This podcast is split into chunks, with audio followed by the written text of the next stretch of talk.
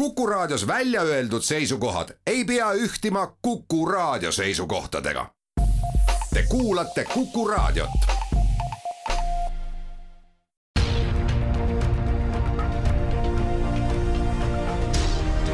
uue samba taga. sammaste taha aitab vaadata sajaaastane eestikeelne rahvusülikool tere, eesti ja vene rahvusest apteegikülastajate ootused on tänase saate teema ning farmatseutilise ettevõtluse nooremlektor Kristiina Sepp on tulnud ülikoolist teiega rääkima, teda usutlemas Madis Ligi. millest see teadatahtmine? tegelikult plaan oli lihtsalt uurida, et äh, kuidas inimesed on rahul äh, ravimialase nõustamise erinevate teenustega apteegis. aga kuna me tek-, viisime uuringud läbi erinevates Eestimaa piirkondades ja mõnes kohas siis on see äh, vene rahvusest elanikkonna osakaal üsna kõrge, siis tegelikult me saime võrdse osa nii eestlasi, venelasi ja kui me hakkasime vaatama andmetele sisse, siis see oli väga-väga põnev. ehk ütleme, et see näitabki, et äh, üks plaan on see, et kus sa alustad, aga kuhu sa lõppu, lõpuks jõuad, on hoopis midagi muud ja tegelikult ma olen nende tulemustega äh, või nagu nende andmetega väga rahul, sellepärast et see avas äh, teatud täiesti uue maailma. Ja minu teada ei Eestis ega ka võib-olla teistes Balti riikides äh, ei ole nagu seda vaadatud, et milline on siis nagu nii põhjalikult, et milline on siis nende erinevate elanikkonnarühmade ootused apteegiteenusele lähtuvalt nende siis rahvusest, võib-olla ka sotsiaalmajanduslikust aspektist, et et jah et selline päris huvitav äh, tulem tuli kokku lõpuks. aga järelikult enne olid siis apteekrid tähele pannud, et erinevast rahvusest inimestel on erinevad ootused, kui nad tulevad arstirohu järele või küsivad lihtsalt nõu, tahavad äh, mingis küsimuses targemaks saada? ütleme, et sellist teadlikkust tegelikult apteekritel ei olegi olnud ehk me ju oleme lähtunud sellest, et on patsient, tuleb apteeki, aga me ei ole vaadanud nagu sisse, et kas seal on erinevus ja, ja olles ise ka praktik nii-öelda apteegis äh, aeg-ajalt siis äh, patsiente nõustamas, siis tegelikult nende tulemuste põhjal ma ise hakkasin vaatlema, et kas siis on erinevusi, tegelikult on ehk et ühelt poolt on see, et äh, kui vene rahvust inimene hästi kaua Eestis elanud ja ta ei oska keelt, siis ta mõnikord käbeneb seda. ja siis, kui sa küsid, et millist infot soovite, kuidas te seda ravimit võtame, ta ütleb, et kõik on selge, kõik on arusaadav aga tegelikult äh, see ei ole ju tegelikult selge, kas ta teab ja saab aru, eestlasest äh, sa lähed sellisesse sügavasse vestlusesse ja sa tegelikult tabad ära, et ta võib-olla ravimit võtab valesti, ta võib-olla mingeid muid tegevusi teeb valesti, võib-olla joob valet jooki peale. et, äh, et tegelikult see on päris, päris suur probleem, sest vene rahvusest inimeste osakaal on üsna kõrge ja teisest osast on see, et äh, et äh, mis on, mis on huvitav, et kui äh, noored vene rahvusest inimesed oskavad eesti keelt juba üsna hästi rääkida, siis erinevalt eesti, eestlased nii-öelda noored ei oska. Ehk et meil on tekkinudki nüüd see olukord, et eakad vene rahvusest käivad apteegis, nõustavad noored eestlasest apteekrid ja tegelikult neil tekib selline keelebarjäär ja võib-olla kogu see info nagu patsiendini ei pruugigi jõuda nii et, et seal on muidugi erinevaid meetodeid, kuidas seda parandada, aga ma arvan, et üleüldine teadlikkus, ma arvan, ka kogu meditsiini mõistes eh, on läbi selle uuringu ju kasvanud. et sellele tuleb tähelepanu pöörata ja erinevate kultuurilise taustaga inimestel tuleb ka erinevalt läheneda. Arvata võib jah, et olukord on hoopistükkis erinev, kas sa oled Narvas või Sõrves. Ja, ja täpselt, noh, et, et jällegi, et noh, Narvas on ka see, et ega üks, jällegi ma toon sisse ühe teise uuringu, et, et kui sul on ikkagi apteegi külastajate hulgas umbes kolm protsenti on eestlasi, noh, me räägimegi nüüd sealt, mis meil Vene piiri äärde jääb, siis äh, tegelikult sa, see eesti keele oskus ka apteekrite seas ei pruugi niivõrd kõrge olla. ehk et noh, seal on ka, et me loome ka täna ju sektoris erinevaid tööriistasid, kuidas seda apteegi sisest nii-öelda seda teenuse kvaliteeti tõsta, aga kui nad ei saa tööriistast ka aru näiteks, et, et see on eestikeelne, et noh, et seal on erinevaid nii aptee-, praktiku vaates kui ka siis patsiendi vaates, et mis nurga alt seda vaadata ja mis piirkonnas seda vaadata, et ma arvan, et siin Lõuna-Eestis,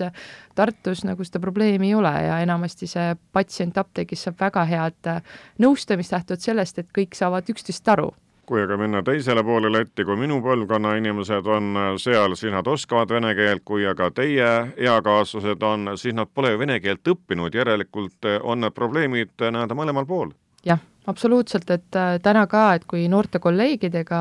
rääkida, kes praegu näiteks ongi praktikal, viiendal kursusel ju Tartu Ülikoolis tuleb apteegipraktika läbida,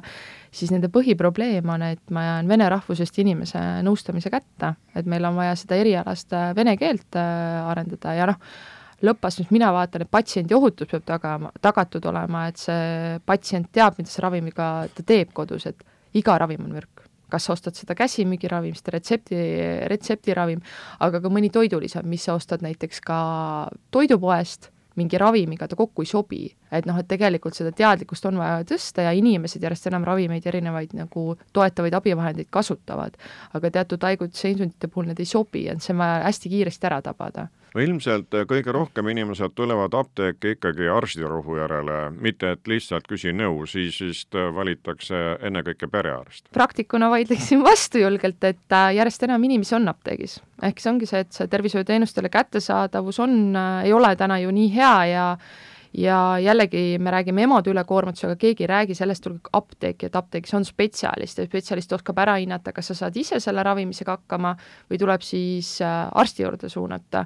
Ja, ja järjest enam inimesi on, et antud uuring näiteks äh, tegelikult näitas, et, äh, et äh, näiteks vene rahvusest inimesed on rohkem arstiusku, erinevalt eestlastest, et eestlased on rohkem sellised, nad on valmis ise suuremat vastutust võtma enda ravimise eest, ravi eest, nad vajavad kõrvale sellist spetsialisti, kes annab nõu, selles positsioonis nagu proviisor on väga, väga hea nõuandja, aga vene rahvusest inimene ka, et on see, et, et ma pigem siis võib-olla pöörduksin arsti, arsti juurde, on ju, et arst ju kirjutab ka ravimit välja, on ju, et siis, äh, siis nemad on rohkem arsti usku ja noh, jällegi teatud info, täna selline ravimialane info on ikkagi selles apteegis proviisorile, kes vaatab lõpuks, et kas need ravimid, kuidas ta võtab, kas näiteks mingid ravimid hommikul, mingid õhtul, et kas need omavahel sellisel moel sobivad. ehk et proviisor ka ei muuda raviskeemi, aga ta vaatab, et see oleks patsiendil võimalikult ohutu ja et ta teeks seda õigel viisil, õigel ajal ja õigete teiste siis toodetega või toiduga, et et see on ju proviisori roll kuid eh, kas eh, selle uuringu pealt võib öelda, Kristina Sepp, et eh, kui tulevad pikema minevikuga vene rahvusest inimesed, siis nad küsivad ka, kas teil seda vene aspiriini on, ehk nad on orienteeritud rohkem nagu nendele rohtudele, mille kohta nad enam ka teavad no ikka, võib-olla pigem uus kontingent on nüüd äh, ukrainlased, keda, kelle osakaal on meil hästi kõrge ja, ja nemad tegelikult tulevad hoopis teisest meditsiiniruumist ja neil on tõesti selliseid ravimeid, et et ma noh, imestusega vaatan, et päriselt ka, et te saate ilma retseptita, et noh, me näeme kõik neid kõrvaltoimeid ja riske, eks see on täiesti uus kontingent, et ma arvan, et need, need, kes on pikemaajaliselt Eestis olnud, et need on juba harjunud, et, et noh, neid ei saa. ja tegelikult on oluline ka, et siis spetsialist apteegis selgitaks, miks neid ravimeid Eestis ei ole järelikult ka see ohutuse profiil ei ole kõrge, ehk see, see ei ole nii, et noh, heal vanal Vene ajal on ju, et nagu me, nagu nad ikka ütlevad, et oli see, see, see ja ma sain näed abi, aga tegelikult kui minna nende ravimite sisse tänapäeva meditsiini mõistes, sa näed, et tegelikult kõrvaltoimed ja riskid tervisele on päris, päris suured ja, ja need ei olegi ohutud. Ja eriti noh, eakamas vanuserühmas noh, tavaliselt ka valuvaigistid teatud haigusseisundite puhul ei ole sobivad, eks seal tuleb jällegi vaadata, et mis sul on kaasnevad haigused, mis on teised ravimid, mida sa võtad ja kas sa näiteks tavalist ibuprofeeni üldse võid võtta, et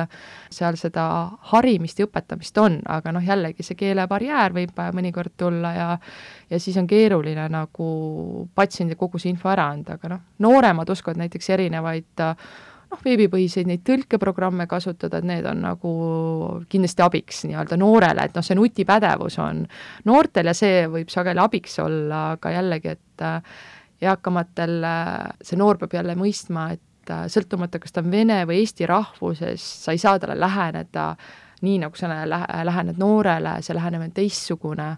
ja kui sa tead, et ta on vene rahvusest, siis sa ka lähened juba ka teistmoodi, sellepärast et äh, tema ootused teenusele on nagu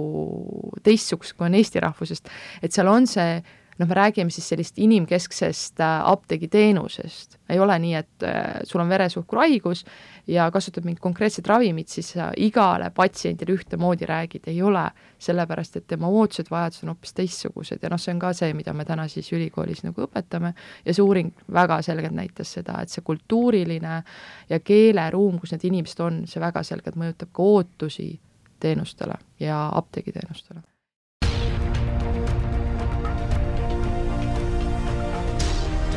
uue samba taga.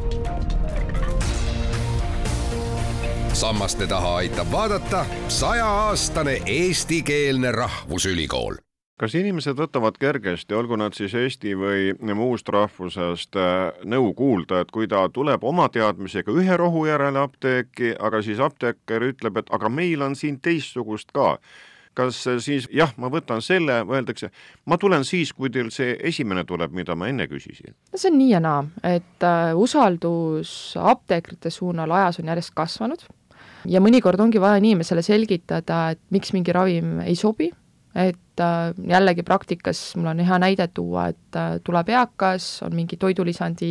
reklaami välja lõiganud, on ju, tahab oma kõrvakuulmist tagasi saada, olgem ausad, on ju, et sellest ei ole abi ja seda ei ole mõtet tal võtta ja sel, see ongi selle apteekri roll seal apteegis, vaadata, et et inimesed tahavad kõik teha selleks, et neil oleks hea elada, mõnus elada.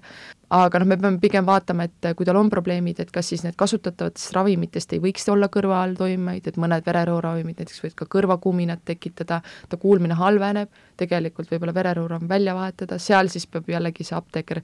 mitte patsiendiga, vaid ravimite väljakirjutajaga suhtlema, et sellist, sellist ka apteegis on väga oluline tervishoiutöötajate omavaheline koostöö aga, aga kindlasti on neid, kes on seda usku, et noh, toome siis näite nagu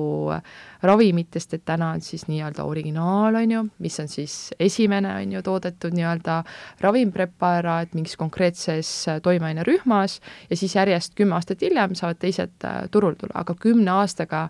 ravimitööstus areneb metsiku kiirusega, seal on uued tehnoloogiad, uued abiained, ehk mõnikord ka see uuem võib olla palju nagu äh, selles mõttes tõhu, mitte tõhusam, aga sobib äh, suuremale hulgale inimestele. et seal on, et seal, seal inimesed jäävad väga kinni, et ei, minul, et mul ikka seda raha on, et ma nüüd võtan selle originaatori, et, äh, et see päris äh, ei pea paika, et võiks usaldada spetsialisti, kuulata ja, ja mõnikord on ka see, et näiteks on vaja näiteks ravimvorm äh, välja vahetada, ehk ta ei saa alla neelata, ta purustab ja tegelikult selle purustamisega ta rikub täielikult selle ravimi toime ära ehk et ma julgustan kindlasti inimesi apteegis rohkem rääkima, et kasutage neid spetsialisti teadmisi, mis apteegis on, rohkem enda tervise hüvanguks ära seega teie teie kolleegid apteekides peavad tegelema nii reklaamiohvritega kui ka loomulikult teavitamisega, inimeste harimisega, et nad saaksid rohu kätte ja need, kes enam hinnasilti nagu uurivad, saaksid ka enam teavet selle kohta, kuidas oma ostuotsust teha, mis on siis nii-öelda rahakoti mööda, kas on oluline on tervis või oluline on see, et saab odavamalt? just, noh, et tegelikult äh, apteekri üks roll on ka tagada patsiendile või inimestele inimestele selline ravimite rahaline kättesaadavus, et noh, riik on teinud selleks erinev piirhinnasüsteemi, noh, ma siia ilmselt ei lähe, see on niisugune äh, väga, väga detaili ei ole mõtet minna, et niisugune keerulisem süsteem, aga kus on siis võimaldatud, et inimesed, inimestele ravimid oleksid rahaliselt ka kättesaadavamad. ja seal on apteekril suur roll, et pakkuda neid lahendusi ja teisest küljest ta peab alati vaatama, et kas see patsiendi siis ohutus on tagatud. ehk et, äh, et mis see siis ülimuslik on, et sa pead, noh, seal on nii palju aspekte, mida sa pead äh, hindama, kui sa patsiendile soovitad, et noh, täpselt see, et meil on täna väga väga suured äh, tarnehäired erinevate ravimrühmadega, väga kriitiliste ravimrühmadega, ehk siis apteeker ei saa, et meil seda ei ole, aga mis siis on, mis see lahendus on. eks sa pead inimesele juba pakkuma mingi lahenduse ja lahendus võib ka olla see, et, et mõnikord ka öelda, et jah, et seda ei ole, me ei tea täpselt, kuna see tuleb, aga alternatiivina oleks see preparaat, et äh, palun noh, pöörduge arsti poole, et mitte see, et noh, et, et mingi lahendus pakkuda ära, aga lõppotsuse teeb ju retseptiravimi osas äh, tema raviarst aga ka see on see koostöö, et me anname läbi patsiendi mingi info edasi, mis jõuab ravimi väljakirjutajani, et et teine suund on see, et, et võiks olla erinevad sellised kommunikatsioonivahendid erinevate tervishoiutöötajate vahel, et see info ka paremini liiguks äh, erinevate spetsialistide vahel et noh, apteegid on täna väljas sellest. milliste rohtude puhul siis tuleb seda selgitavat sõna nagu rohkem jagada, et praegu seda ei ole, aga meil on äh, asemele anda toda? võib-olla kriitilisem moment täna või kuigi hetkel on, tundub ka see lahenenud, on äh, väikelaste ravimid, ehk seal on just see ravimvorm, et kuidas sa manustad, et see purustamine, et sa õige doosi annad, et et päris ei ole nii, et karbi peal on nüüd, et su laps on seal viis-kümme kilogrammi või viisteist, kakskümmend kilogrammi, et see on nii, et apteeker hindab, kui palju ta laps kaalub siis ta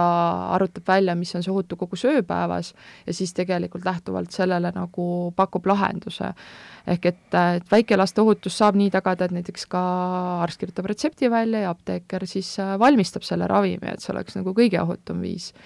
ja kindlasti noh, mis ma näen riskina, on see, et, et siis tekib arusaam, ahah, ma võin kõike purustada. noh, tegelikult see purustamine ei ole hea, tabletid on kindla struktuuriga üles ehitatud, on ära kaetud, et ta oleks paremini alla neelatav, ehk et, et seda nagu mõttemalli ma loodan, et ei kinnistunud, et, et purustada tegelikult äh, ei ole hea, et peab vaatama erinevate siis äh, patsiendirühmade puhul, kus on hädavajalik, et siis mida, millise tootja preparaati võib purustada ja nii edasi. millised on siis need põhiküsimused, mille pärast, olgu nad eesti või vene rahvusest inimesed apteegis apteekri poole pöörduvad? seal on kõiki asju, pigem võib-olla mida, mida tava- või keskmine apteegikülastaja ootab, ootab apteekri proaktiivsust ta tegelikult ei tea, sest apteek ei näe välja ju tavapärane tervishoiuasutus, aga tegelikult ta ei tea, et seal on väga kõrgharitud spetsialist, kes on väga pikalt õppinud seda valdkonda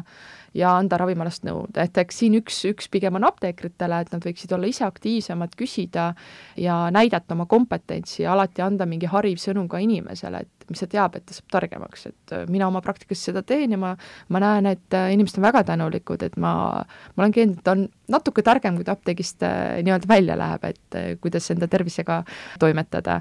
teine asi kindlasti on see, et inimesed ootavad, kuidas siis ravimeid kasutada, ehk et ja hoiustada, ehk see ei ole päris nii, et äh, näiteks silmatilkade puhul ka, et äh, hakkad tilgutama, aga tegelikult kuu aja pärast sa ei või kasutada, silm on väga hell koht. jällegi, miks ta on hell koht, miks me ei tohi, miks see ei ole abiks selleks, et inimesed hoiavad kokku. mul oli seitsmekümnepäevane kuur, mul jäi ju põhimõtteliselt kaks kolmandikku pudelist alles, ei hei, need kaks kolmandikku pudelist tuleb tuua apteeki ravimijäätmete käitluseks, et äh, ja ka kõrvaltoimed, et kui inimene ei tea näiteks, et äh, teatud retseptirühmadega, kui see on uus ravim määratud ja näiteks on mingi krooniline haigus, siis sageli keha kohandub. Kohandumiseks võib võtta kaks nädalat, kuu aega, kui inimene teab, et näiteks tal võib alguses tekkida seedetrakti häired, äh, teatud rühm, ravimrühmade puhul võib ka emotsionaalne niisugune langus tekkida, kui inimene teab, siis ta ei katkesta ravi, kui inimene ei tea, siis inimene suure tõenäosusega katkestab, et, et seda osavõtlikkust ja teenustuses siis kindlasti see, et kui määratakse siis esmakordselt uus ravim, seal inimesed väga ootavad sellist apteekri tuge ja, ja nõustamist, ehk mis see ravim on, kuidas ta toimib, kui inimene teab, kuidas ta toimib, miks ta seda võtab, ehk et siis ka inimene jällegi on järjepidevalt kasutab ja ta teab ka seda, et kui tal on probleem, ehk ta võib apteeki tulla, ehk mõnikord näiteks ka EMO-des on pikad järjekorrad tingitud sellest, et ta võib-olla võtab ravimit ebaühtlaselt äh, või siis on tekkinud ravim kõrvaltoime, ehk et mõnikord tasuks ennem EMO-sse võib-olla järjekorda sõltuvalt haigust ikkagi tulla apteegist läbi ja küsida nõu näitab see uuring ka seda, et inimesed tahavad privaatsust rohkem, noh näiteks kui tal on vaja abivahendeid või rohtu, et meeste-naiste vahelised suhted läheksid hästi, siis ta võib-olla hakkab punastama, kui ta leti ees on, aga tahaks olla kusagil omaette. jah, inimesed vajavad privaatsust ja see on üks suurim takistav tegur mõnikord, miks inimene võib-olla sinna ei tule, et teised inimesed siis kuulavad pealt ja siis on apteekri ülesanne tegelikult leida see nurgake või viis, kuidas inimesega siis privaatselt tema teemadest rääkida, et noorema vanuserühma inimesed on leidnud näiteks kaugmüügiapteegi ehk internetiapteegi, et seal ta chatib, aga ta see chat jääb siis nende kahe vahele, et, et see on üks alternatiiv aga ma arvan ka, et apteeker mõistab ja, ja oskab äh, patsiendiga ka sellises tänases apteegiruumilises ülesehituses äh, nõustuda nii, et et see privaatsus on tagatud ja kui vaja, siis liigub äh, lihtsalt letist eemale, et, et inimesega oluline info inimeseni jõuaks. aitäh, nooremlektor Kristiina Sepp, küsija oli Madis Ligi.